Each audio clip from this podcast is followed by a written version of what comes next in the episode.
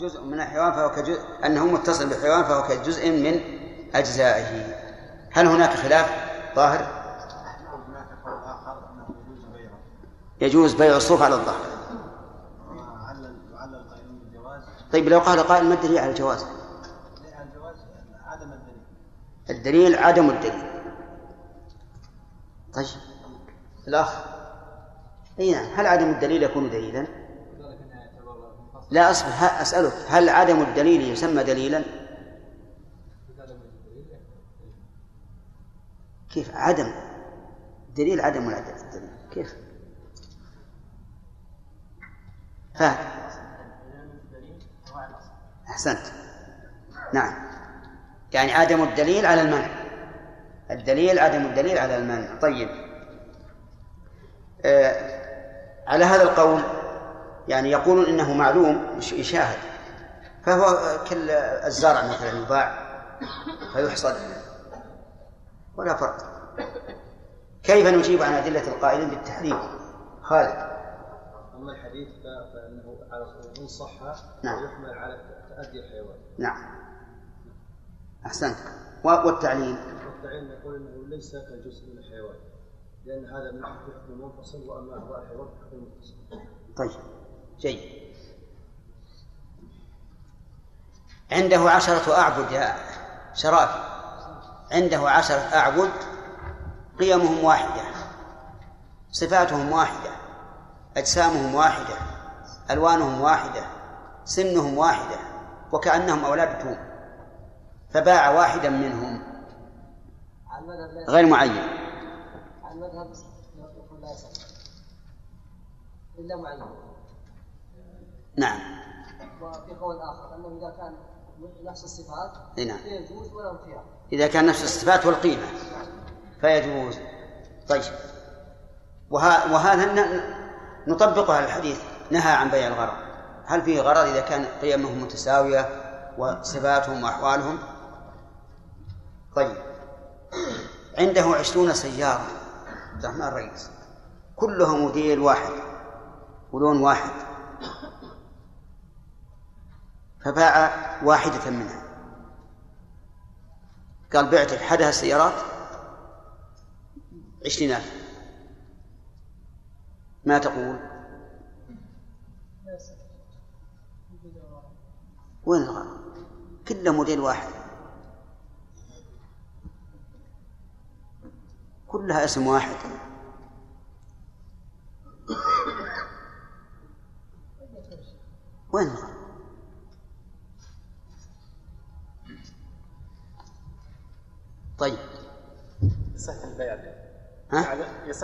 لعدم وجود لا مو أنت ثاني على المذهب لا يصح نعم. طيب لأنه لا بد من التعيين. وعلى القول الصحيح أنه يصح. واحد. لو مثلا عشرة فناجيل الآن في كرتون كلها واحدة فناجيل. قلت بعت عليك فنجان من هذه الفناجيل بعشرة. بريال. يصح. عبد الرحمن. يصح. السيارة نفس الشيء. ما تشتغل ها؟ ما تشتغل عيب هذا. هذا يرد. ها؟ لا لا كلها جديدة قرطاسة ما فيها. ما في المهم أن أنه إذا إذا لم يكن فرق فالصواب الصحيح. أن التعيين ليس بشرط. المقصود العلم والمنهي عنه هو بيع الغرر. طيب. باع عليه عشرون عبدا واستثنى واحدا منهم. استثنى واحد لكن ما عين ما قال العبد الفلاني. والقول الثاني. أنت إذا قلت المذهب لابد إن فيه قول آخر. ما شرح؟ أجل هو محتاط لنفسه. الرجل احتاط لنفسه. طيب. نعم؟ ها؟ لا شرحناه ما يخرج. لا. بسم الله الرحمن الرحيم. قال المؤلف رحمه الله تعالى في جملة ما لا يصح لعدم العلم ولا عبد من عبيده يعني ولا يصح بيع عبد من عبيده. وذلك لعدم التعيين. لا بد من أن يكون المبيع معينا فإذا لم يعين فإن البيع لا يصح.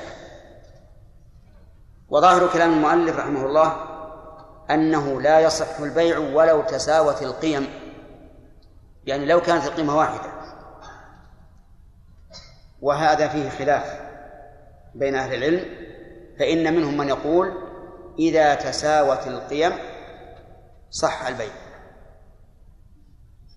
وفي هذا القول أيضا شيء من النظر.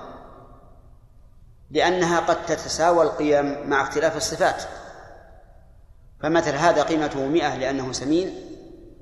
والثاني قيمته مئة لأنه حامل والثالث قيمته مئة لأنه كبير الجسم أليس كذلك؟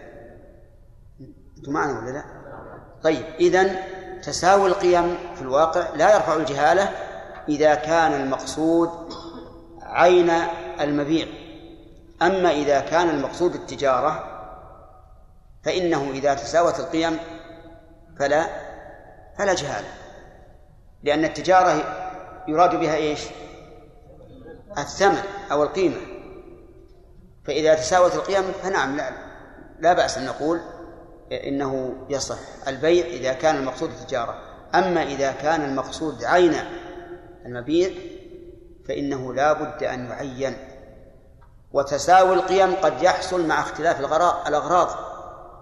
وأنا ضربت لكم مثلا مثلا ثلاث صور هذه شاة حامل لكنها هزيلة. وهذه شاة سمينة لكنها صغيرة الجسم. وهذه شاة كبيرة الجسم لكنها هزيلة. القيم واحدة. الحامل رفع قيمتها الحمل. والصغيرة السمينة رفع قيمتها السمن. والكبيرة الجسم القليلة اللحم رفع قيمتها كبر الجسم. لكن قد يكون الإنسان له غرض قد يكون له غرض بالحامل دون السمينة أو بالسمينة دون الحامل أو بالسمينة دون كبير الجسم.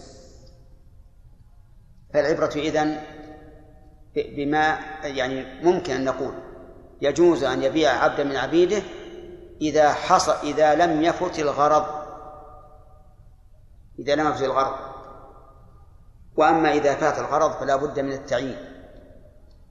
قال ولا استثناؤه إلا معينا.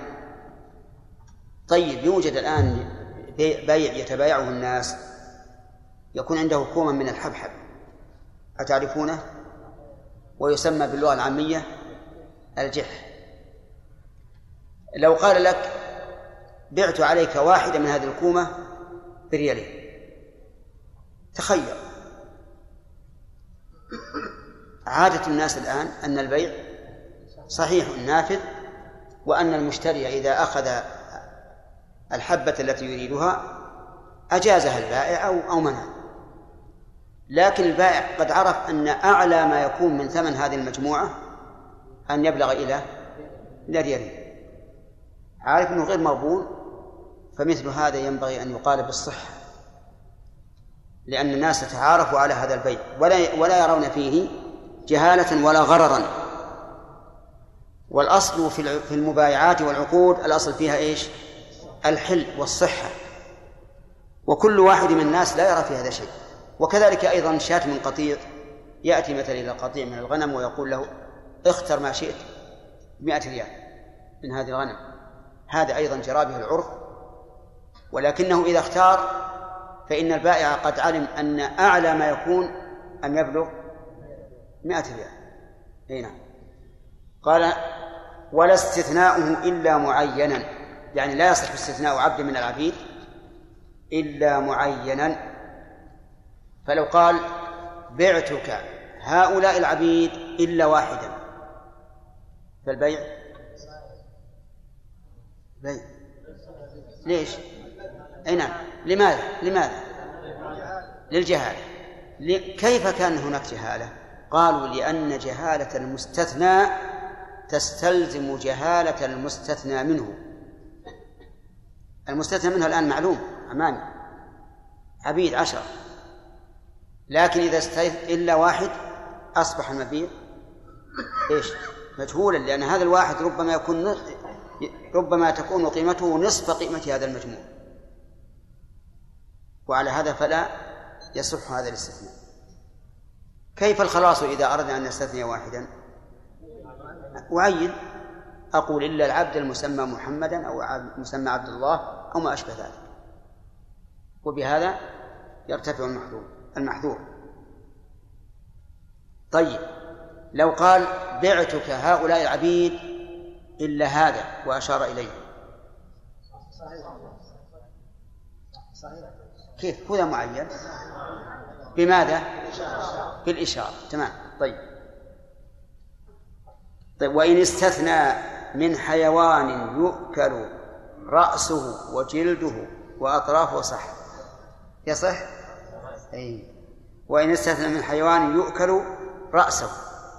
رأسه مفعول لاستثنى ولهذا لو قال المؤلف رحمه الله وإن استثنى رأس حيوان مأكول لكان أحسن للعبارة وأوضح. ولهذا غلط بها جهبذ من جهابذة الطلبة. فنقول وإن وإن استثنى من حيوان يؤكل رأسه رأس مفعول استثنى.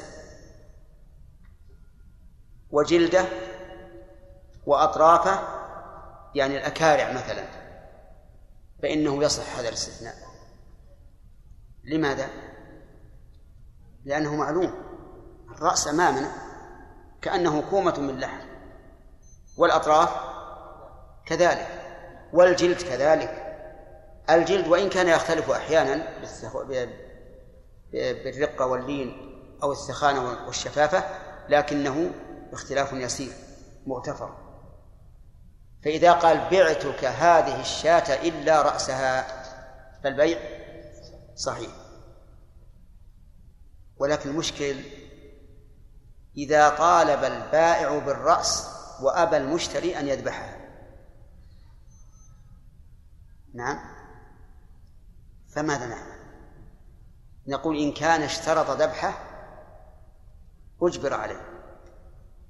وإن كان لم يشترط ذبحه فإنه يبقى له. وإذا أراد البائع أن يبيع وإذا أراد المشتري أن يبيعها يقول من يسوم الشاة إلا رأسه. لماذا؟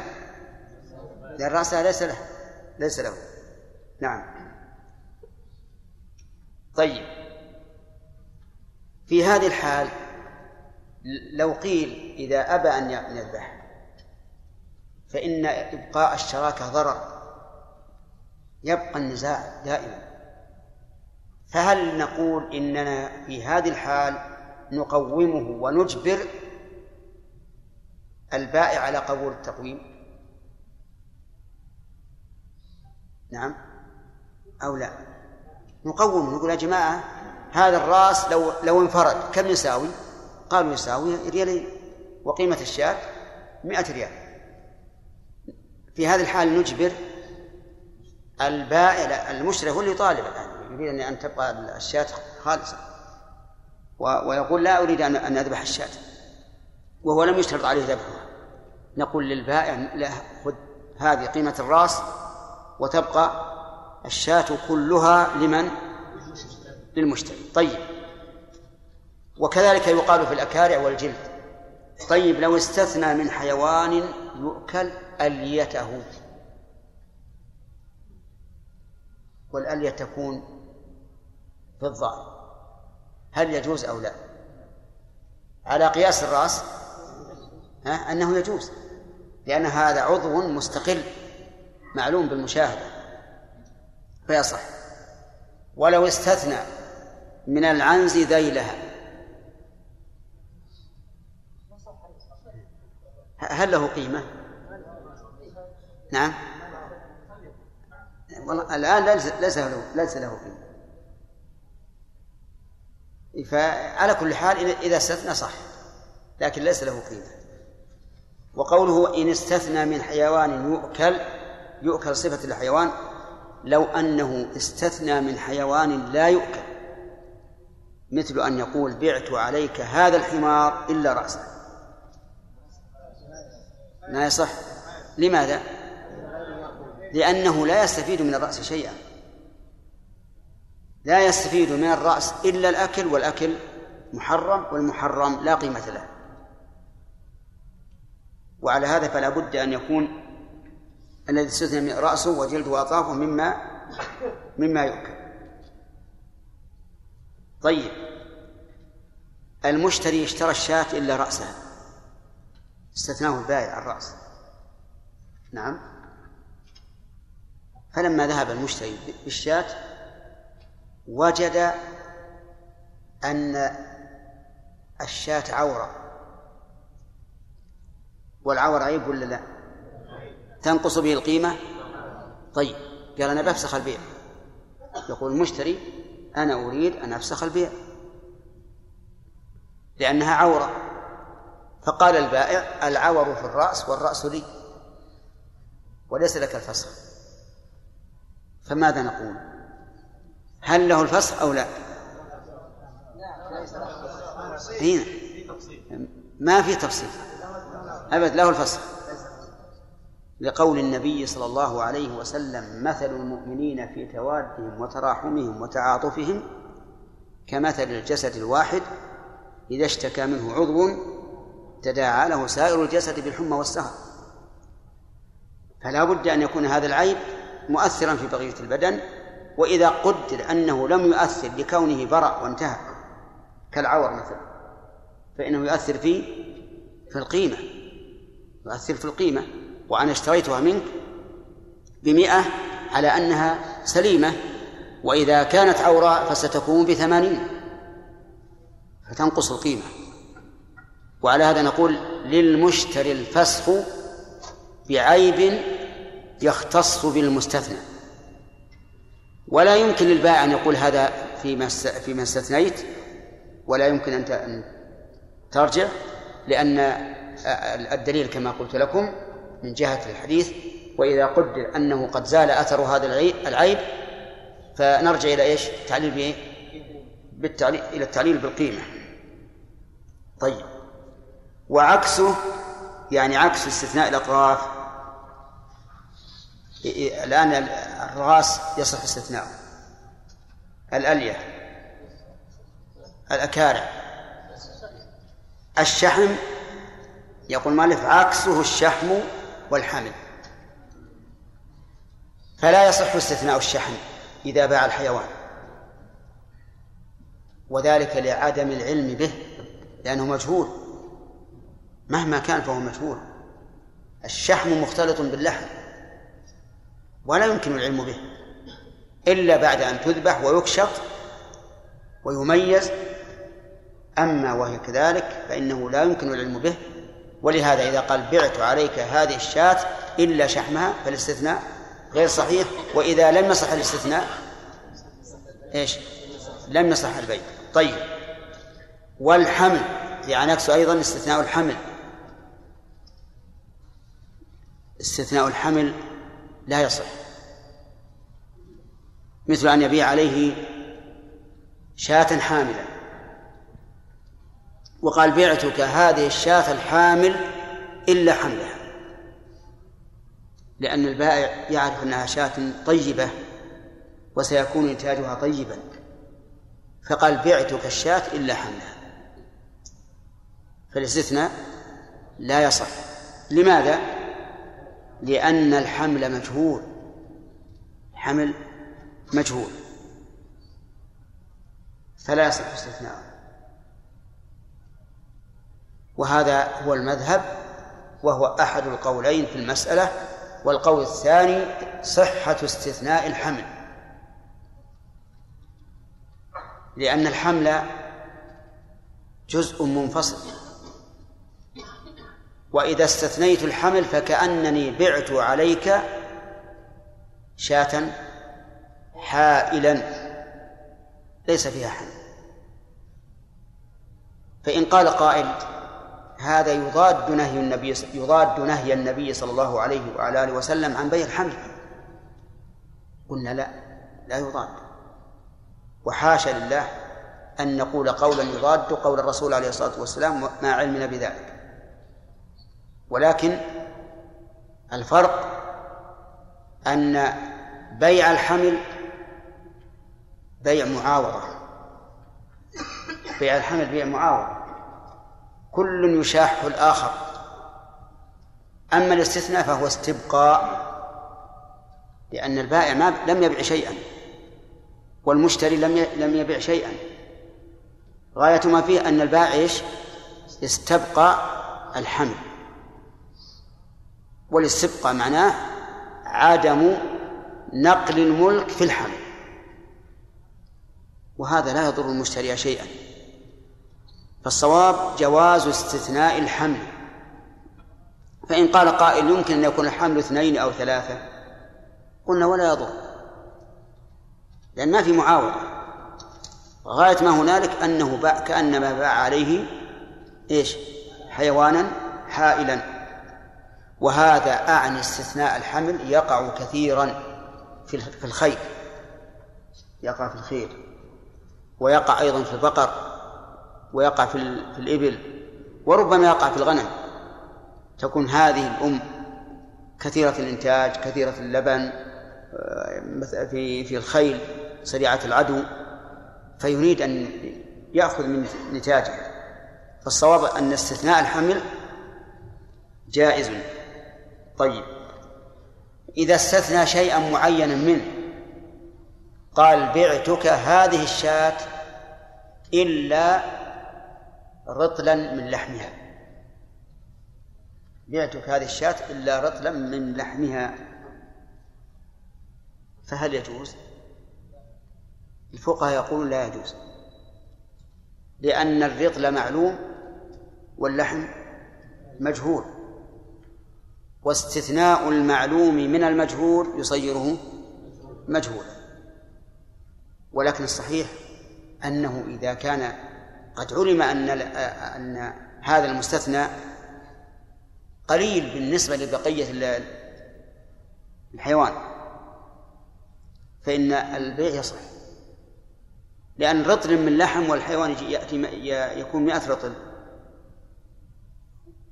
ما في ضرر ولا في غرر. لكن لو قال بعت عليك هذه الشاة إلا ثلاثين رطلا من اللحم واللحم قد يكون ثلاثين رطلا وقد يكون أقل. فهنا الاستثناء غير صحيح لعدم التمكن من استيفائه. أما إذا كان يمكن استيفاؤه رطل اللحم يمكن قطعة من الفخذ أو قطعة من العضد ويحصل المقصود ولهذا نقول إذا استثنى شيئا معينا يمكن إدراكه وتحصيله فلا بأس به. طيب لو استثنى الكبد بعتك هذه الشاة إلا كبدها المذهب لا يصح. والصحيح أنه يصح. لأن هذا الاستثناء استبقى استبقى فإذا قال ربما تكون الكبد كبيرة أو صغيرة قلنا هذا نعم وارد. لكن هذا استبقاء وهو جزء منفصل منفرد معلوم. طيب. يقول ويصح بيع ما مأكوله في جوفه كرمان وبطيخ وبيع الباقلة ونحوه في قشره. يصح بيع ما مأكوله في جوفه كالرمان. في غير الرمان؟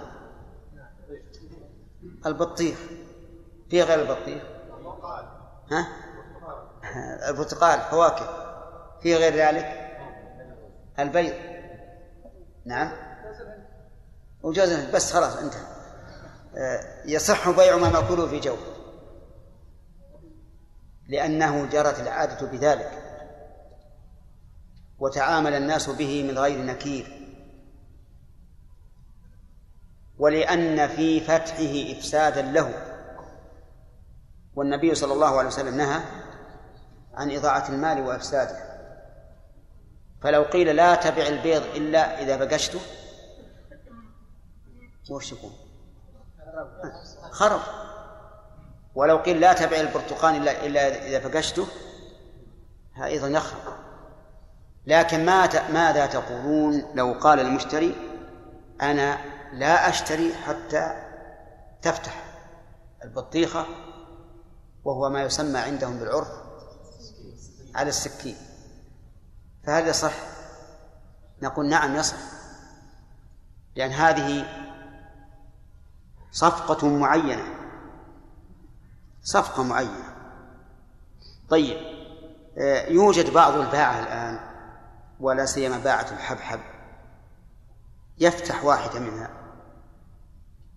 وينشرها أمام الناس وإذا رآها الناس وإذا هي حمراء.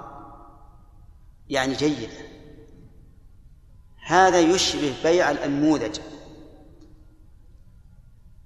أليس كذلك؟ يشبه بيع النموذج فإذا باع علي واحدة باع علي واحدة ثم ذهبت بها إلى البيت ففتحتها وإذا هي أبيض من الغطرة آه، هل لي أن أرجع عليه؟ نعم إيه؟ شيخ ولكن النموذج يشترط ان يكون كسائر كمثل النموذج يعني هذا مثله هذا مثل. لا يدري آه، المهم له له له أن يرجع. الظاهر له أن يرجع. وهذا وإن لم يكن شرطا لفظيا فهو شرط فعلي. شرط فعلي. كأن هذا البائع يقول أيها الناس إن إن هذا الحبحب على هذا الشكل. فالظاهر أن له الرجوع. طيب. يصح نعم كرمان وكذلك أيضا آه، بيع الباقلة ونحوه عندك الحمص والجوز واللوز. الباقلة ما ما أعرف لكن الحمص معروف والجوز معروف واللوز معروف. كله مأكوله في جوفه. وحكى لي بعض الناس قصة غريبة. قال إنه قدم الموز لرجل عامي من حلال ما يعرف. فصار يأخذ القشور ويأكلها ويدع اللب ويقول هذا اللب عبس ما يؤكل. إذا مأكوله في جوفه ولا خارج؟ لا على رأي هذا الرجل مأكوله خارج والصواب أن مأكوله في جوفه فيصح. طيب. وبيع الباقلة ونحو في قشره. ودليل هذا أنه يصح بيع هذه الأشياء في قشرها كما ذكرنا قبل قليل. دعاء الحاجة إلى ذلك وتعامل الناس بذلك من غير نكير ولأن فتحها فتحها يكون سببا لفسادها هناك أيضا دليل من السنة وهو أن النبي صلى الله عليه وسلم نهى عن بيع الحب حتى يشتد حب البر شعير حتى يشتد ومعلوم أنه بمفهوم الحديث إذا اشتد إيش؟ جاز بيعه ومأكول السنبل في جوفه ولا خارج؟ في جوفه إذا يمكن أن نجعل أن نضيف هذا الحديث إلى التعليلات الثلاثة التي ذكرناها في جواز بيع ما مأكوله في جوفه بيع الحب المشتد في سنبله ودليل ذلك أن النبي صلى الله عليه وعلى آله وسلم نهى عن بيع الحب حتى يشتد. ثم قال وأن يكون الثمن معلوما. وهذا هو الشرط السابع أن يكون الثمن معلوما. فما هو الفرق بين المبيع وبين الثمن؟ قيل الثمن ما كان من النقدين. فإذا قلت بعت عليك هذا الثوب بدرهم فما الثمن؟ نعم. طيب وإذا قال بعت عليك الدرهم بثوب. لا ثمن الدرهم. يا إخواننا قلنا يقول بعض العلماء الثمن هو الدراهم والدنانير. إذا قلت بعت عليك هذا الدرهم بثوب فما هو الثمن؟ الدرهم. وقال بعض العلماء الثمن ما دخلت عليه الباء. الثمن ما دخلت عليه الباء. فإذا قلت بعت عليك ثوبا بدرهم فما هو الثمن؟ بعت عليك درهما بثوب. طيب بعت عليك قلما بساعة. بعت ساعة بقلم. تمام. وهذا هو الأظهر. هذا هو الأظهر. حتى في عرف الناس أن الثمن ما دخلت عليه الباء يشترط أن يكون الثمن معلوما كما اشترطنا أن يكون المبيع معلوما. الدليل حديث أبي هريرة رضي الله عنه أن النبي صلى الله عليه وعلى آله وسلم نهى عن بيع الغرر. نهى عن بيع الغرر. هذه الدليل. ولأنه أحد العوضين فاشترط فيه العلم كالعوض الآخر. وإنما قلت بهذا القياس لأن العوض الآخر قد وردت أحاديث في في عين المبيع المجهول كبيع الحوامل مثلا. إذا لابد أن يكون الثمن معلوما. طيب فإن باعه برقمه كما يفعل الناس في الصيدليات الصيدليات الآن تبيع بالرقم. قال أعطني الدواء الفلاني مده إليه. كم القيمة؟ قال برقم. فالمؤلف يقول إنه لا يصح. إن باعه برقمه لم يصح. لماذا؟ لأنه مجهول. إما للبائع وإما للمشتري. أو لهما جميعا. فكر مجهول. إما للبائع وإما للمشتري وإما لهما جميعا. لا لا أنا أقول هذه أقسام. ما هو ما أسأل هل هذا أو هذا. هل يمكن أن يكون مجهولا للجميع؟ يمكن. يمكن. تكون هذه بضاعة واردة مكتوب عليها من قبل المسؤولين القيمة والبائع لا يدري والمشتري لا يدري. يمكن.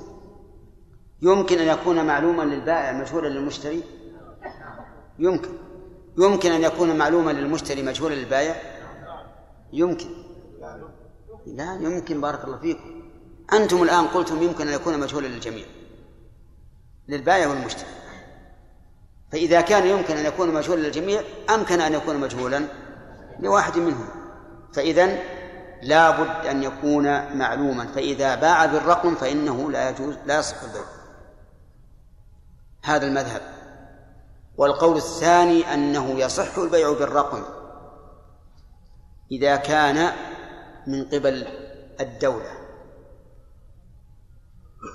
بل هذا ربما يكون أشد اطمئنانا للبائع والمشتري. أليس كذلك؟ أما إذا كان الرقم من البائع نفسه هو اللي بيرقم ما شاء على سلعته فهذا لا بد أن يكون معلوما. الرقم لا يصح. مثل الإنسان مثلا مسعر الساعات. كاتب ورقة صغيرة على الساعة خمسمائة ريال. قال المشتري كم تبيعه؟ قال برقمها يصح أو لا؟ ها؟ لا يصح لا يصح ليش ما يصح؟ لأن هذا البائع ربما يرقم عليها أضعاف أضعاف القيمة لكن إذا علمنا أن هذا مقدر ومرقوم من جهة من جهة مسؤولة فإنه لا شك في جواز البيع بالرقم طيب. لو قال البائع لما سأله المشتري كم القيمة قال مكتوب عليه رقم برقمها فنظر المشتري وإذا الرقم كثير فأبى أن يشتريها بذلك. يصح؟ يصح. نظر إلى رقمها وإذا هو مناسب فقال قبلت. يصح أو لا؟ يصح. لأنه الآن علم الرقم. والكلام وكلام المؤلف في قوله باعه برقمه برقم لا يعرف حين العقد. كذلك إذا باعه بألف درهم ذهبا وفضة. انتبه.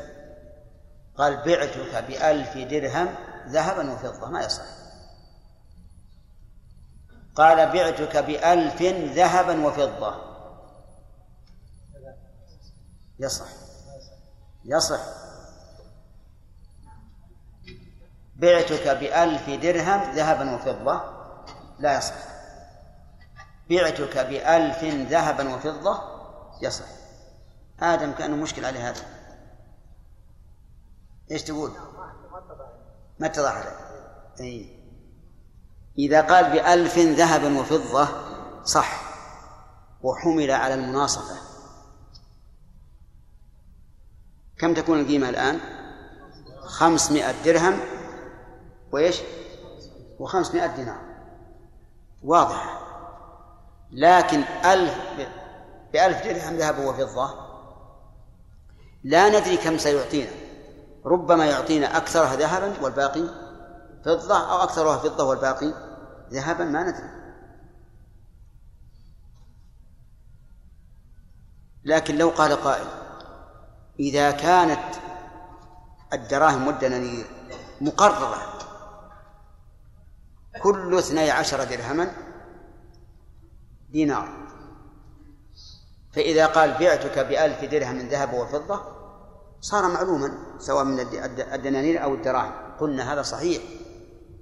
لكن قد يكون لل...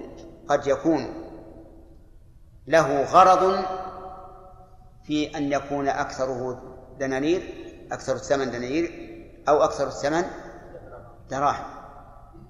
فيكون له غرض صحيح وعلى هذا فقول المؤلف إنه لا يصح قول صحيح حتى لو فرض أن قيمة الدراهم من قيمة الدنانير لا تتغير فإنه قد يكون له غرض في إيش؟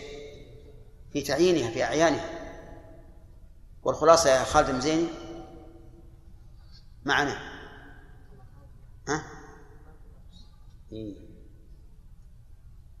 الخلاصة أنه إذا قال بعتك بألف ذهبا وفضة فالبيع فالبيع صحيح ويحمل على إيش؟ على المناصب. بألف درهم ذهبا وفضة لا يصح لأنه ربما يجعل الأكثر ذهبا والأقل فضة أو بالعكس. وكذلك لو قال بمئة دينار ذهبا وفضة لا يصح. للجهالة. كذلك لو باعه بما ينقطع به السعر لم يصح أيضا. يعني قال أبيعك إياه بما يقف عليه في المساومة فإنه لا يصح. لماذا؟ لأننا لا ندري هل يقف على ثمن كثير أو على ثمن قليل. وربما يأتي شخص ناجش فيرتفع الثمن وربما يكون الحظوظ قليلين. فإيش؟ فينقص الثمن. ولهذا لا يصح أن يبيعه بما ينقطع به السعر. وقيل إنه يصح. وأن بيعه بما ينقطع به السعر أشد طمأنينة من بيعه بالمساومة. لأن الإنسان يطمئن يقول ما دام ما دام الناس وقفوا على هذا السعر فهذا يدل على أن القيمة مطابقة. ولكن في النفس من هذا الشيء. والأقرب أنه لا صح بما ينقطع به السعر وذلك لأن ما ينقطع به السعر مجهول. لو حصل مناجشة زولا أنت إذا حصل مناقشة إذا حصل مناجشة. أقول هل يزيد ولا ينقص؟ ولو قل الحاضرون. نعم. ها؟ إيه؟ يقول ينقص ولا يزيد؟ لا. ينقص. يعني مثلا أنا مقدر أنه ينقطع السعر في هذه السلعة بألف. فجاء جماعة يتناجشون. ربما تصل إلى إلى ألفين.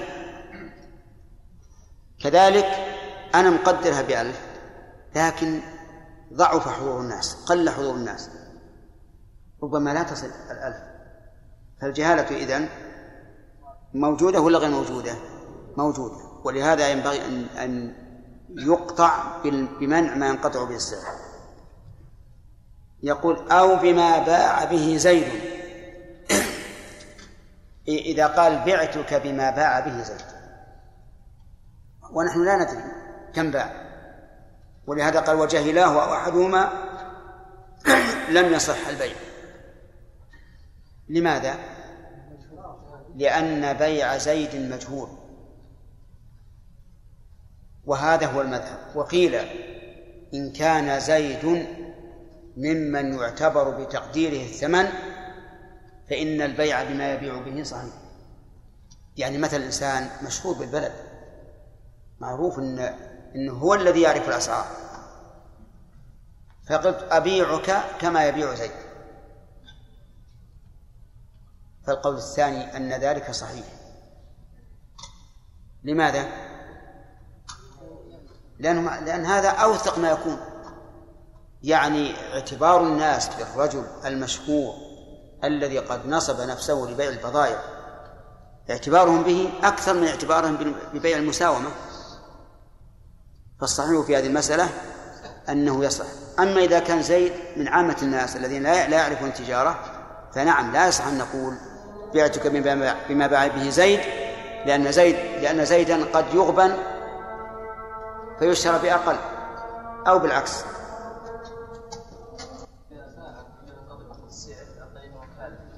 عن إيش؟ طريق الوكالة يعني قال وكالة إيه. تبيع السلعة بما ترى باعه يعني باع عليه. مو باع له. نعم وكلة. قال إذا إذا وقفت فاشتريها لي ما فيها شيء. هذه وكالة. هذه وكالة. والوكيل الآن قام مقام الموكل. فلما بلغت القيمة إلى إلى الحد الذي وقف عليه السعر صار معلوما للوكيل. نعم. شيخ ما فهمت هذا؟ أو باعه بما ينقطع به السعر. نعم.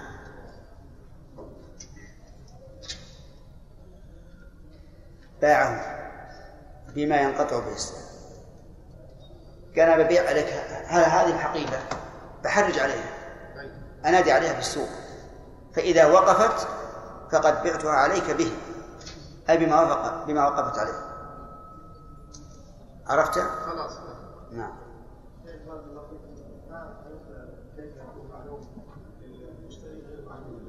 لا. ها. أنت تقول ما علمت.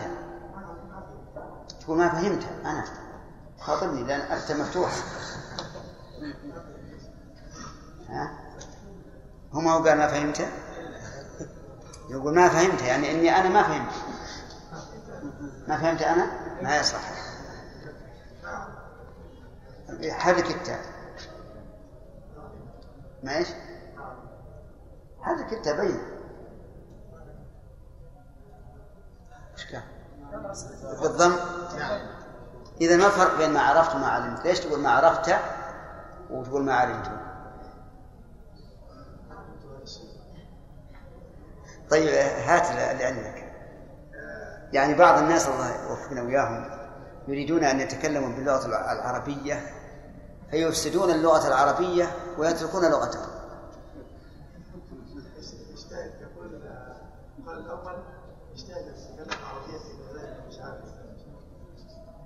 اجتهد لكن خلي يصير عندك علم. نجتهد مع العلم لا ما هو اجتهاد. طيب. كيف يكون معلوم للبائع أي نعم. البائع رجل أعمى. ولا يدري وش الرقم. والمشتري رجل بسيط. يقرأ الرقم. فقال بعتك برقم. صار معلوما للمشتري غير معلوم للبائع.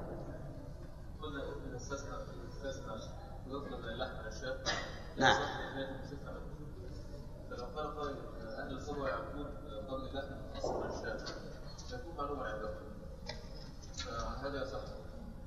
نحن قلنا أنه يصح بشرط أن يكون المستثنى قليلا بحيث نعلم أنه سيكون الاستثناء صحيحا. صحيح صحيح ما في شك ما في شك ما هو واضح. يعني كلام الفقهاء مو واضح نعم إذا كان الحمل يضرب الشاة يضرب إيش؟ يضرب بالشاة إيه؟ نعم واستثنى الحمل ولكن الحمل مثلا المشتري عارف المشتري عارف إن- غالبا إن الحامل يكون معها فتور يكون معها مرض. إذا تلفت فإنه لا يضمن البائع للمشتري شيئا.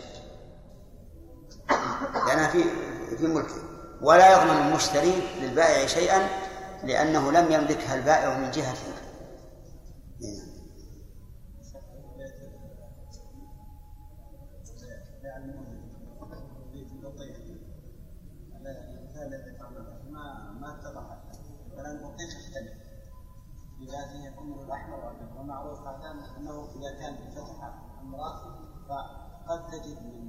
هو كان لما فتح الحمراء كأنه قال لك أبيع عليك من جنس هذا لا هذا- إذا صار مستوي في الغالب يكون كله على أحمر.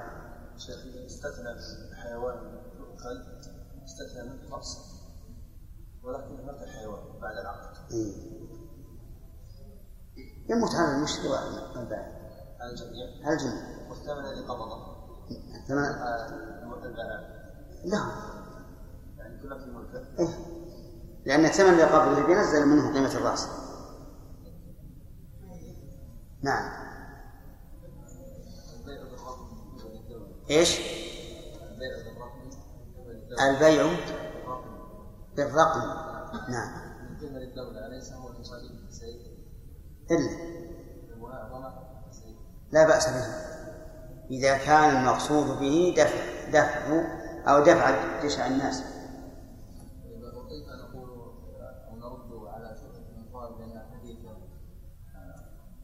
على النهي. أو أن النهي في الحديث. أن الله مساعد. نعم لأن لأنه غلى السعر لقلة الموجود. ما هو ما هو لاحتكار الناس. فالتسعير ينقسم إلى قسمين. ممنوع وهو ما كان سببه قلة الموجود أو كثرة الآكل مثلا. هذا لا يجوز أن المساعدة لأن هذا من الله. لكن إذا كان السبب هو احتكار الناس. لو اجتمع الصيادلة وقال تعال هذا الدواء نحن نشتري من الخارج بريال والناس محتاجون إليه سنجعله بخمس ريالات. أيضربوا على أيديهم أو يتركون يلعبون. ها؟ هذا. والذي وقع على عهد رسول الله صلى الله عليه وسلم من هذا القبيل؟ لا اللي وقع ما هو من هذا القبيل اللي وقع لقلة الم- المحصول. نعم. لو أسقط المشتري حقه كيف؟ لو أسقط المشتري حقه. لو. أسقط المشتري. حقه منين؟ مثل بيع ما ينتهي بالسعر يكون ذلك من أول البيع. أسقط حقه في معرفه المبيع. كيف أصلاً؟ يصح البيع. شو ما فهمت. يعني قبل أن يشتري مبيعا مجهول. مم. وقبل هذا ال- ال- ما ينقطع به السعر هذا على الثمن مو على المبيع. ها إذا هو قبل هذا ما يجوز. حاجة لو قبل بالربا نقول لا, لا بأس. لأن النبي صلى الله عليه وسلم نهى عن بيع الغرر من حقه إذا علم ال- النقص والزيادة هو رضي. أما والأمر غير معلوم ما يصح. شرف. بارك الله السائر العرف الآن أن البائع والمشتري يتبايعان ثم إذا نظر المشتري السلعه إن شاء يعني أخذها وإن شاء تركها. مثل الان السوبر ماركت هذا. هذا بارك الله فيك من باب خيار المجلس. والإنسان له خيار المجلس. لكن أصل العقد على شيء مجهول لا يجوز. نعم. بالنسبة لي ما ينقطع به السعر. إذا قال إذا كان السعر السوق فأنا يعني اخذ ما عقد.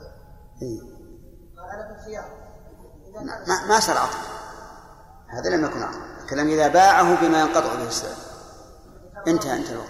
أظن انتهى الوقت وين من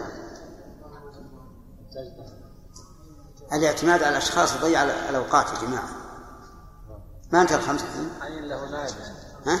إلا انتهت. عين لحجاج نائب نعين آه، مصطفى. طيب إن شاء الله. طيب. وش عندنا الآن؟ طيب اقرأ أحمد ها؟ كيف؟ اليوم في توزيع كتب الليلة؟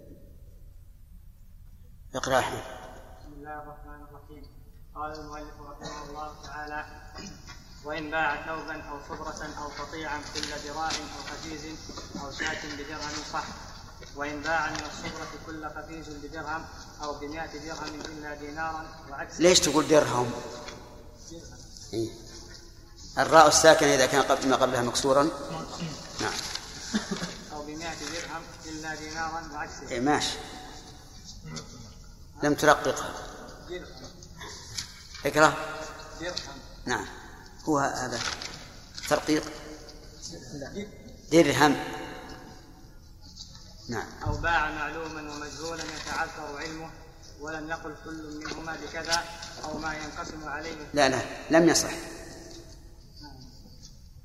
لا لم يصح. فإن لم يتعذر صح في المعلوم بقسطه ولو باع مشاعا بينه وبين غيره كعبد أو ما ينقسم. عندك سبت الظاهر أملي عليه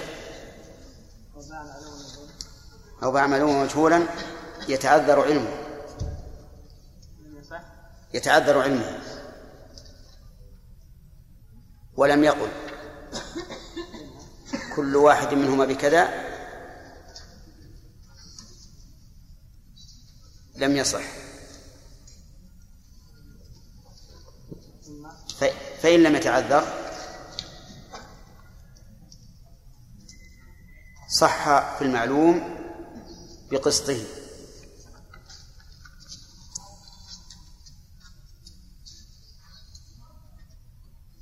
ولو باع مشاعا.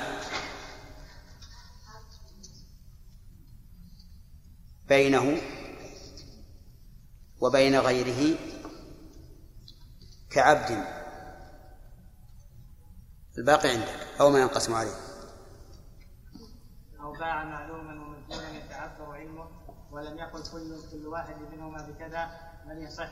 فإن لم يتعذر صح بالمعلوم بكسبه ولو باع مشاعا بينه وبين غيره كعد أو ما ينقسم عليه الثمن بالأجزاء صح في نصيبه بكسبه. بس.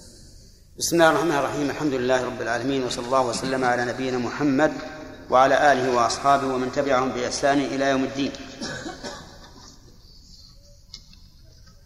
آه، ما تقول يا عبد الله عامر فيما لو باع هذا الشيء بألف درهم ذهبا وفضة؟ لا يصح. بألف درهم ذهبا وفضة. لا يصح. لماذا؟ ما هي الجهالة؟ قد يعطيه من, من الذهب نسبة أكبر أو بالعكس. طيب. بألف ذهبا وفضة. ما قال بألف درهم؟ بألف ذهبا وفضة. أنت. يصح ويكون مناصب. طيب صحيح.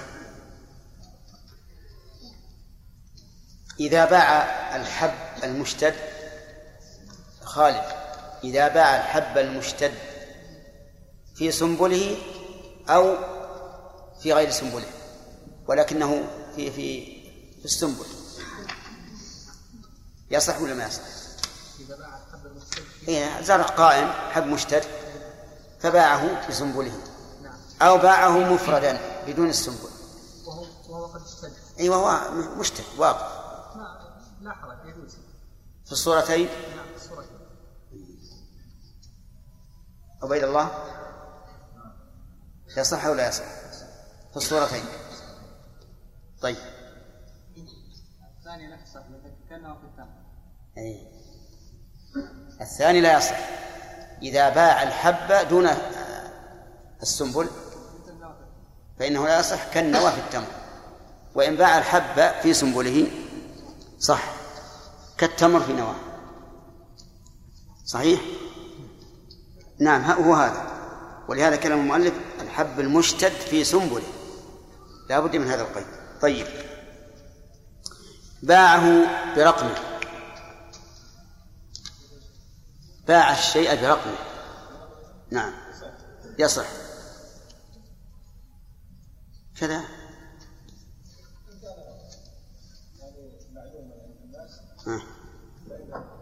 هو معلوم عند الناس لكن عند المتباعين ما ندري.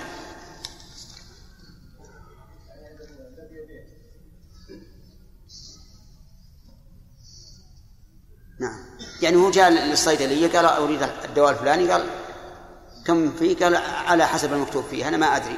وزارة الصحة. وزارة الصحة هي اللي كتبت رقم القيمة. يصح.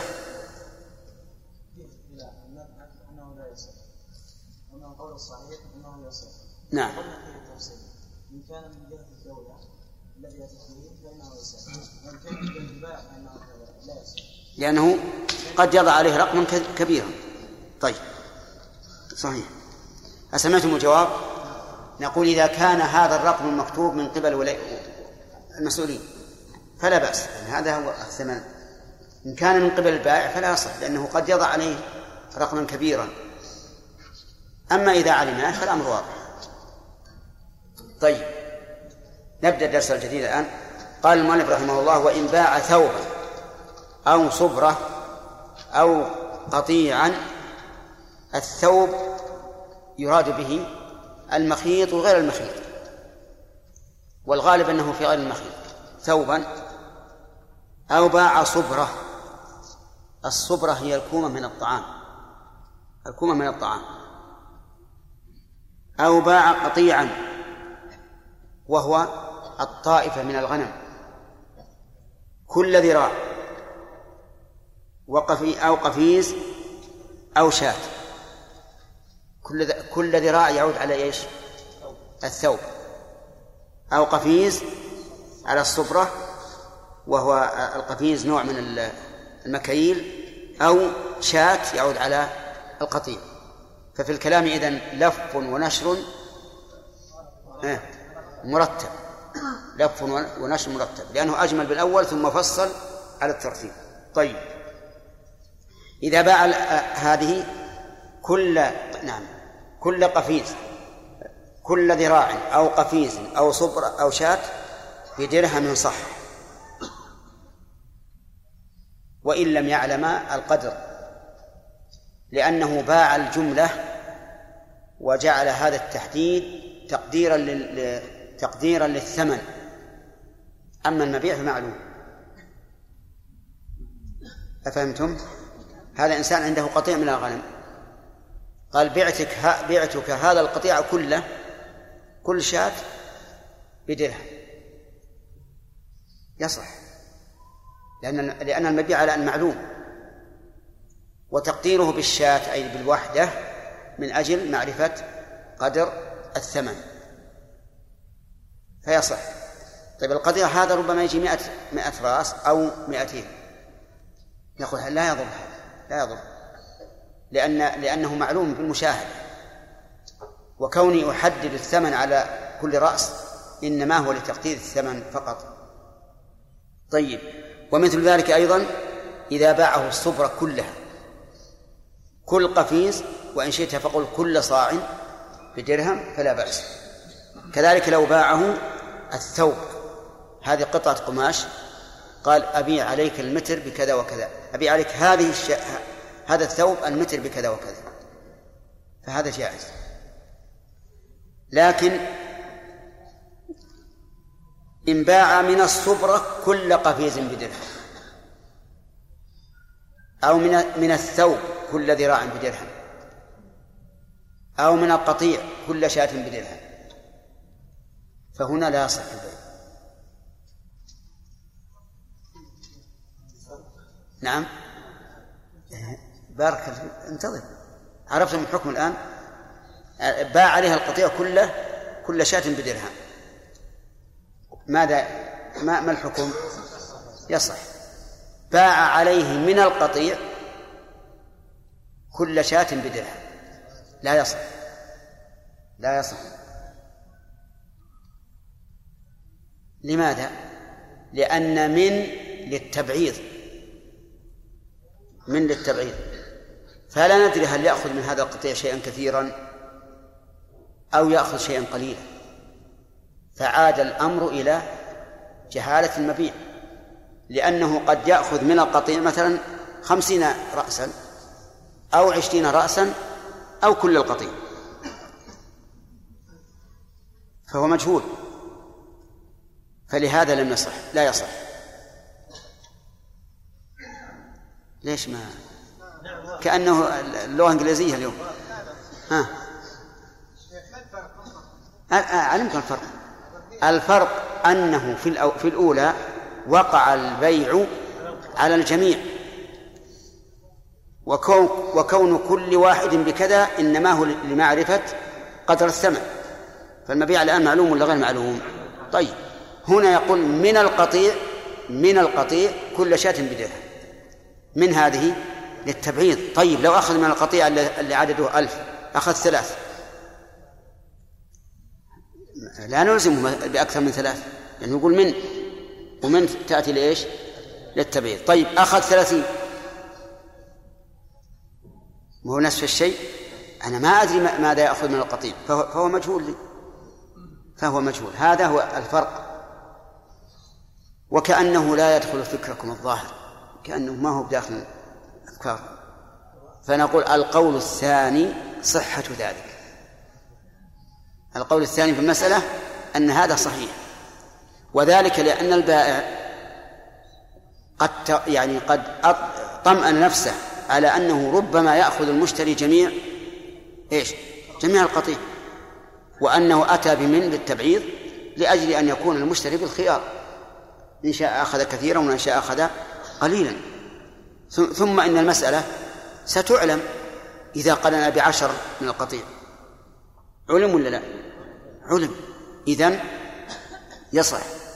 وهذا القول هو القول الراجح في هذه المسألة أنه إذا باعه من القطيع كل شاة بدرهم أو من الثوب كل ذراع بدرهم أو من الصبرة كل قفيز بدرهم فإن البيع صحيح كما لو باعه الكل. كما لو باعه الكل. وقد ذكرنا بالأمس في الدرس السابق أن الناس جرت عادتهم أن المشتري إذا جاء إلى القطيع وقال وقال له صاحب القطيع خذ ما ما شئت خذ ما شئت مثلا شاتين ثلاث أربع تخير. فيأخذ واحدة اثنتين ثلاث أربع ويمشي. والناس يتبايعون بهذا وعليه العمل. فالصواب إذن صحة ذلك. في هذا وفي هذا. يقول رحمه الله وإن باع من الصبرة كل قفيز شف من الصبرة من ليش؟ التبعيض. كل قفيز بدرهم أو نعم. فإنه لا يصح. قال أو باعه بمئة درهم إلا دينارا لم يصح. قال وعكسه بأن باعه بدينار إلا درهما لم يصح. هاتان مسألتان. المسألة الأولى إذا باعه بمئة درهم إلا دينارا. فإنه لا يصح. لأن المستثنى من غير جنس المستثنى منه. صح ولا لا؟ طيب. بمئة درهم إلا درهما. صح. لأن المستثنى من جنس المستثنى منه. طيب بمئة درهم إلا دينارا. إذا قال نقدر الدينار نقدر قيمته ونسقطه من الدراهم. مثلا بعد ما أن يتم البيع نقول كم يساوي الدينار؟ قالوا يساوي عشرة دراهم. يكون البيع كم؟ بتسعين. فلماذا لم يصح؟ قالوا لأنه لأننا قد نقدر قيمته فيكون أكثر أو أقل. وبناء على هذا نقول إذا كانت الدراهم والدنانير معلومة القيمة بمعنى أنها مقررة من قبل الدولة بأن عشرة الدراهم دينار. فقلت بعت بمئة دينار بمئة درهم إلا دينارا. فإن البيع يكون صحيحا لزوال الجهالة. لزوال الجهالة. وربما يكون هذا مراد الأصحاب رحمهم الله. أن مرادهم إذا كانت قيمة الدينار إيش؟ غير معلومة. أما إذا كانت معلومة فإن الثمن سيكون معلوما. طيب بعتك هذا الشيء بدينار إلا درهما. عقيل. أين ذهبت؟ بدينار إلا درهم. يصح ولا لا؟ لا يصح على كلام المؤلف. لأن قيمة الدرهم المستثنى غير معلومة بالنسبة للدينار والمستثنى من غير جنس المستثنى منه فلا يصح. وبناء على ما قررنا نقول إذا كانت نسبة الدراهم والدنانير إلى الدنانير لا تختلف فالبيع فالبيع صحيح. البيع صحيح. لكن كيف نعمل الآن؟ دينار إلا درهما كيف نأخذ الثمن من المشتري؟ نقول إذا كان الدينار يساوي عشرة يكون البيع بتسعة. والأمر واضح. فعلى هذا نقول إذا استثنى أحد النقدين من الآخر فالبيع المذهب غير صحيح. غير صحيح. ونقيد ذلك بما إذا كان بما إذا كانت القيمة قابلة للزيادة والنقص أما إذا كانت القيمة مقررة بحيث يكون كل عشرة دراهم دينارا فالاستثناء الاستثناء صحيح. نعم. يقول رحمه الله أو باع معلوما ومجهولا يتعذر علمه. ولم يقل كل منهما بكذا لم يصح. أو باع معلوما ومجهولا يتعذر علمه ولم يقل كل منهما بكذا لم يصح فإن قال كل منهما بكذا صح.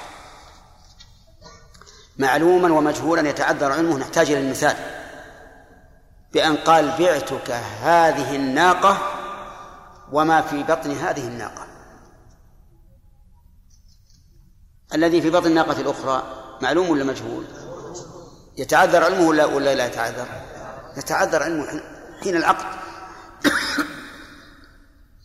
فهنا يقول المؤلف رحمه الله إن قال كل منهما بكذا صح وإلا فلا.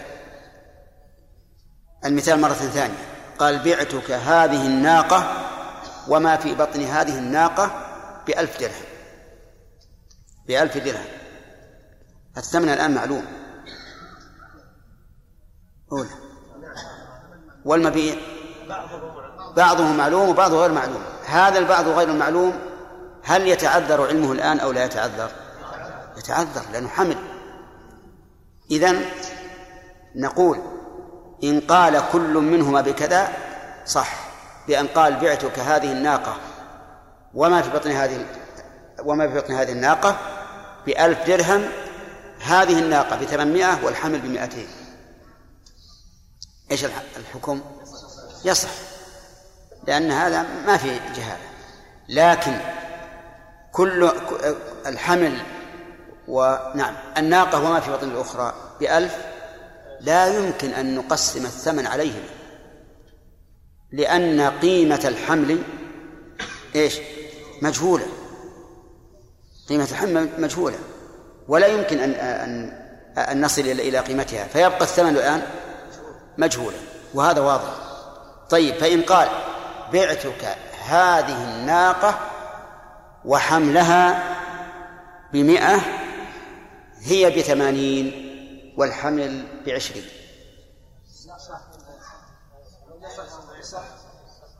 يا إخوان أين العقول؟ إذا قلنا هذه الناقة وما في بطن الأخرى بمئة الناقة بثمانين واللي في بطن الأخرى بعشرين. قلتم يصح طيب هذه المسألة هذه الناقة بعتك هذه الناقة وما في بطنها بمئة الناقة بثمانين والحمل بمئة. نعم الحمل بعشرين صدق. الحمل بعشرين. طيب نطالب الشرافي لماذا لا يصح؟ وفي المسألة الأولى يصح؟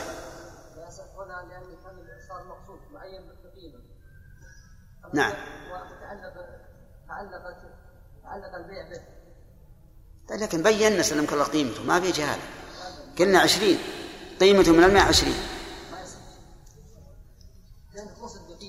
قل ولو وخلاص لا- يعني كلمة ولو هذه معناها ما عند الإنسان تعليل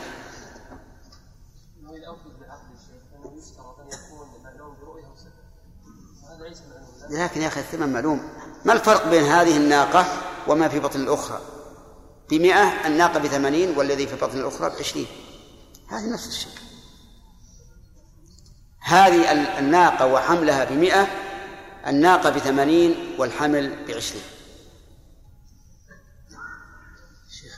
شيخ هي الواقع يقول لا يصح. لا يصح. لكن انتبهوا للتعليل. لأن الحمل لا يصح بيعه إلا إيش؟ إلا تبعا. فإذا قلت هذه الناقة بثمانين والحمل بعشرين صار الآن مستقلا. صار الآن مستقلا فلا يصح بيعه. طيب لا يصح بيعه لا يصح بيعه. كما لا يصح بيع حمل الناقة الأخرى في المثال الأول. وتبقى الأم بثمانين.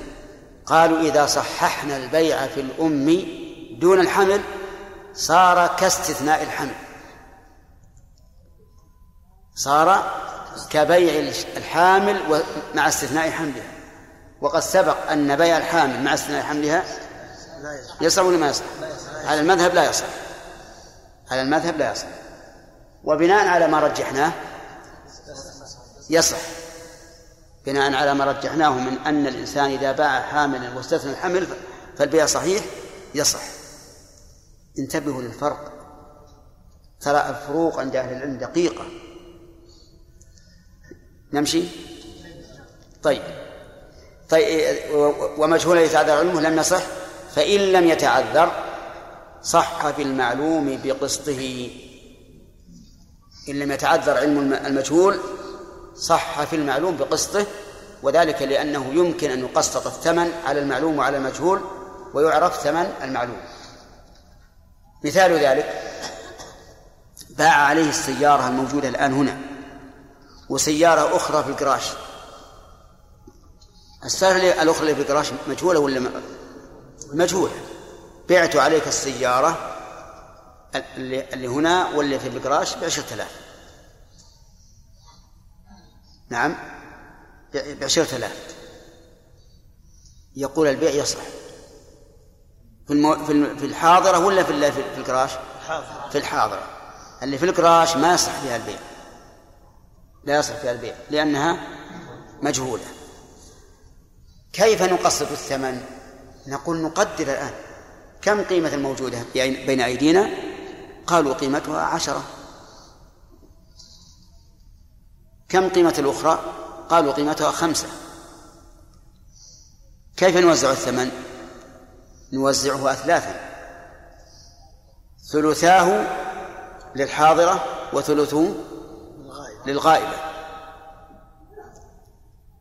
أفهمتم؟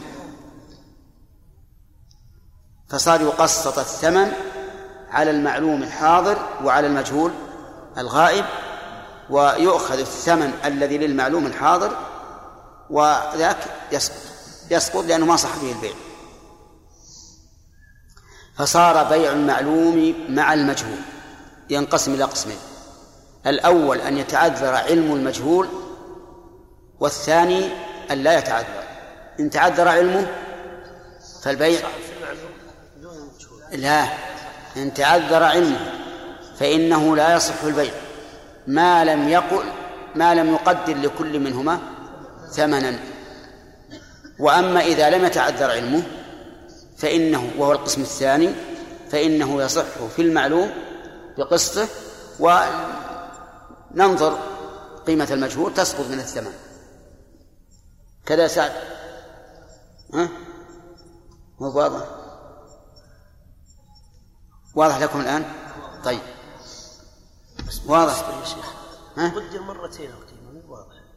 قلنا ب 10000 ثم ب 15000 إيه هذا هذا التقدير. لأن الثمن قد يكون أقل من القيمة. وقد يكون أكثر. نعيد مرة ثانية. أقول إذا باع معلوما ومجهولا فهو على قسمين.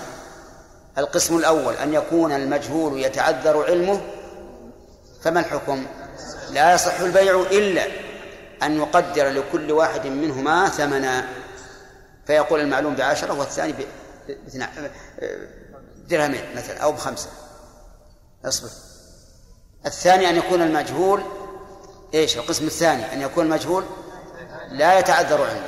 فهنا يصح البيع في المعلوم بقسطه من الثمن. أما المجهول فلا يصح واضح يا جماعة؟ أعيد مثال. باعه هذه الناقة وما في بطن الناقة الأخرى بألف درهم جميعا ولم يقدر لكل واحد ثمنا. البيع لا يصح باعه هذه الناقة وما في حمل الأخرى وما في بطن الأخرى بألف درهم على أن للحمل مئتين وللموجودة ثمانمائة. يصح أو لا؟ يصح لأنه قدر الثمن. الذي الذي يتعذر الذي لا يتعذر علمه باعه هذه الناقة عنده بين يديه والناقة التي في في المعطن باع الناقتين بألف درهم. يصح أو لا؟ يصح في المعلوم بقسطه من الثمن. لأن المجهول لا يتعذر علمه ممكننا الآن نذهب ونشوف قيمته ونسقط من الثمن. فهمتم؟ المؤلف يقول بقسطه من الثمن. ومعنى ذلك أننا نقدر الثمن لهما جميعا ثم ننظر قيمة هذا وقيمة هذا ونسقط من الثمن. قالوا مثلا الناقة الموجودة تساوي عشرة. والناقة التي في المعطن تساوي خمسة. كم النسبة؟ خمسة إلى عشرة الثلث. فيكون يسقط من الثمن الثلث عن الناقة التي في المعطن ويصح البيع في المعلوم بثلثي الثمن. طيب. هذه تسمى إحدى الصفقات الثلاث. إحدى الصفقات الثلاث لأن عندهم ثلاث صفقات يصح البيع فيها بما يصح عقد البيع عليه ولا يصح في الباقي. فهذه المسألة إذا لم يتعذر صحة المعلوم بقسطه هي إحدى مسائل تفريق الصفقة. إحدى مسائل تفريق الصفقة. الصفقة ما معناها؟ إيش معنى الصفقة؟ العقد. لأنه متعاقدين ولا سيما في الزمن الأول إذا باع كم بعت علي؟ بعتك عليه بعت عليك بكذا يسبق بيده. فالصفقة هي العقد تفريقها يعني تصحيح بعضها وإبطال البعض. المسألة التي معنا الآن إذا باع معلومة ومجهولة لا يتعذر علمه فرقنا الصفقة ولا لا؟ صححناها فيما يصح وأبطلناها فيما يبطل. طيب. المسألة الثانية قال ولو باع مشاعا بينه وبين غيره كعبد أو ما ينقسم عليه الثمن بالأجزاء صح في نصيبه بقسطه انتبهوا يا أخوان والبيع سهل صعب لكنه إن شاء الله سيكون سهلا إذا باع مشاعا بينه وبين غيره مشاعا أي مشتركا بينه وبين غيره كعبد يمكن يجي مثال غير عبد؟ سيارة أرض نعم أي شيء. مشترك مشاع باعه جميعا. فمثلا هذه السيارة بيني وبين أخي فبعتها على إنسان كلها. الآن بعت مشاعا بيني وبين غيري بيعي لملكي؟ صحيح. لأنه من مالك. بيعي لملك أخي لا يصح لأني لست وكيلا. يصح في نصيبي ولا يصح في نصيب؟ في نصيب أخي شريك. لأني لست وكيلا عليه. إذا فرقنا الصفقة أو لا؟ فرقنا. الرجل الذي اشترى السيارة مني فرح. قال جاب الله هذه السيارة. نعم سيارة ممتازة من أحسن ما يكون. وغدا إن شاء الله أسافر عليها إلى مكة والمدينة. فبينما هو كذلك إذ أتاه أخي وقال السيارة لي نصفها وهذا عقد الشركة بيني وبين أخي ماذا نصنع الآن؟ نقول للمشتري لك الآن كم؟ نصف السيارة لأنه صح به البيع أما بيع نصيب أخي فلا فلا يصح قال وش الفائدة من النصف؟ هذا الرجل اللي جاء يقول لي لنصف السيارة لو قلت بسافر عليه إلى مكة والمدينة قال أبدا. سافر عليها بنصف الأجرة. لو ذهبت مثلا من عنيزة إلى مكة الأجرة كم؟ 150 150 سلم نصف 150 والنصف الثاني على كل حال ملكك. وكذلك إذا طفت على المدينة ورجعت. فهل يكون للمشتري الخيار في هذا الحال لتفريق الصفقة عليه؟ لو قال أنا اشتريت السيارة كاملة ما فيها شراكة الآن ما, ما أريد نقول نعم لك الخيار. لك الخيار لأن تفريق الصفقة يضر. طيب هذا واحد. الثاني أو ما ينقسم عليه الثمن بالأجزاء. هذا ليس مشاعا لكن ينقسم عليه الثمن بالأجزاء. كقفيزين نقول كصاعين من بر. صاعين من بر. أحدهما لي والثاني للآخر. خلطتهما ثم بعتهما. هل يصح البيع في الصاعين أو في الصاع الذي لي فقط؟ في الصاع الذي لي فقط. ولا يصح في الصاع الآخر. والفرق بين هذه المسألة والأولى أن الأولى الشركة فيها مشاعة والثاني الشركة فيها في الأجزاء لأن الحب الآن. حبة لي وحبة. ها؟ للآخر. لكن المشاع أي ذرة في المملوك فهي مشتركة. واضح؟ طيب. إذا باع ما ينقسم عليه الثمن بالأجزاء نصفه له بعضه له بعض للآخر صح البيع فيما هو له ولم يصح البيع للآخر. لأن الآخر لا لا يملكه ولم يوكل فيه. وهذه المسألة الثانية من مسائل تفريق الصفقة. قال وإن باع عبده وعبد غيره أو عبده وحرا أو خلا وخمرا صفقة واحدة صح في عبده وفي الخل بقسطه كيف؟ بغير إثم بغير إثم ولا باع عبده وعبد غيره بغير إثم ما عندكم بغير إذنه؟ ها؟ طيب أو عبدا وحرا أو خلا وخمرا صفقة واحدة صح في عبده وفي الخل بقسطه هذا باع باع شيئين. عين عينين قائمتين. كل واحدة قائمة بنفسه. عبده وعبد غيره. أخذ عبد غيره من بيته وراح بالسوق مع عبده. ونادى عليهم جميعا وباعهما جميعا. الآن وقع العقد على على ما يملك بيعه وما لا وما لا يملك. نقول يصح في عبده ولا يصح في عبد غيره. وأظن الفرق بين هذه والتي قبلها واضح. هذا ما في اختلاط. كل عين متميزة. طيب باع سيارته وسيارة غيره. ها؟ يصح في سيارته ولا يصح في سيارة غيره. طيب. أو باع عبدا وحرا. الحر غير مملوك. فباع عبده وحرا بثمن واحد صفقة واحدة يصح في عبده ولا يصح في الحر. لأن الحر لا يصح عقد البيع عليه. طيب. أو باع خلا وخمرا. الخل يصح. يصح بيعه. والخمر لا يصح. فعنده الآن جرتان إحداهما خل والثانية خمر باعهما جميعا. يصح في الخل ولا يصح في الخمر. صح؟ طيب.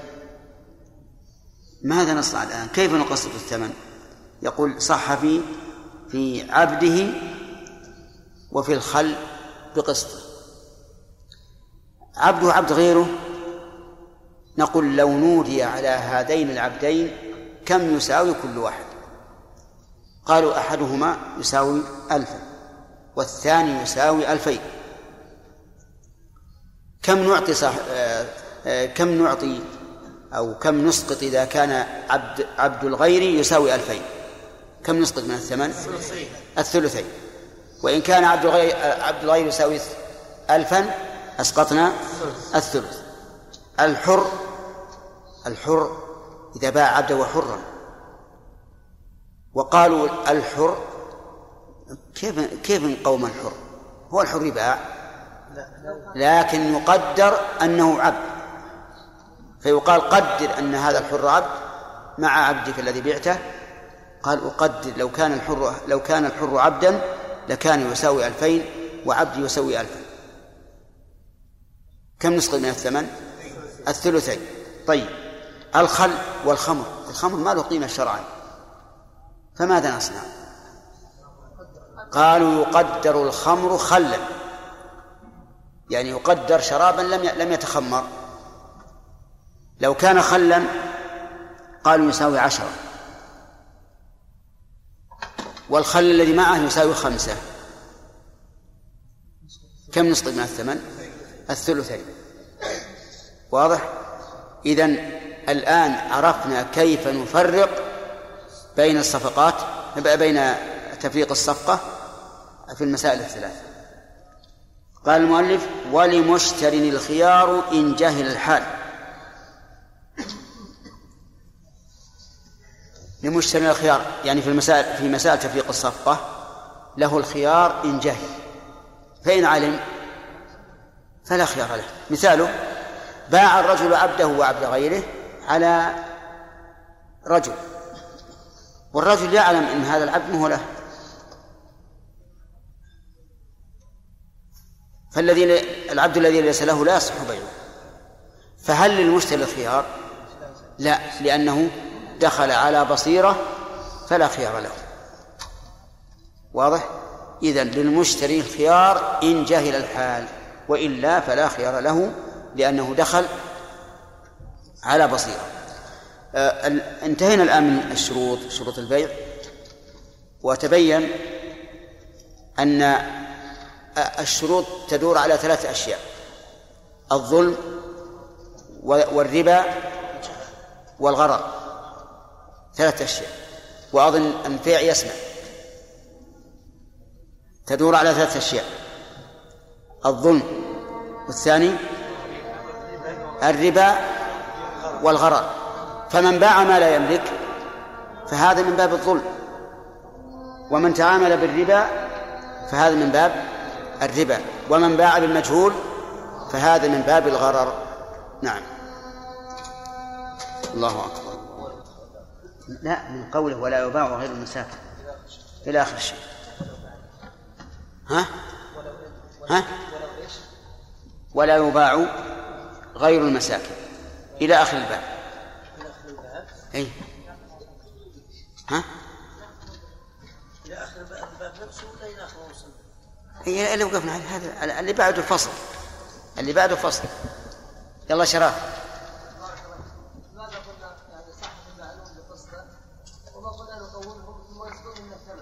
لا لا. لأنه قد يكون الثمن أكثر من القيمة لكن شيخ أليس قادر على أن يشتري هذين الاثنين مثلا يشتري أي نعم.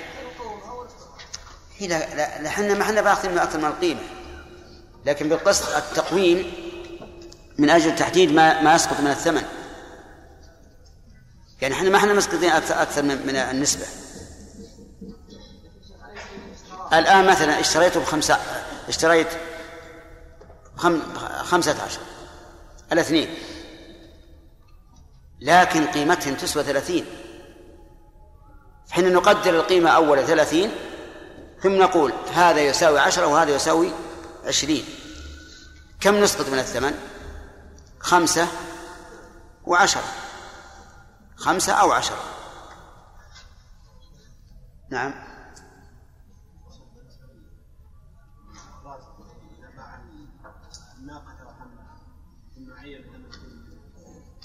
كيف؟ الناقة وحملها الراجح الصحيح أنه صحيح.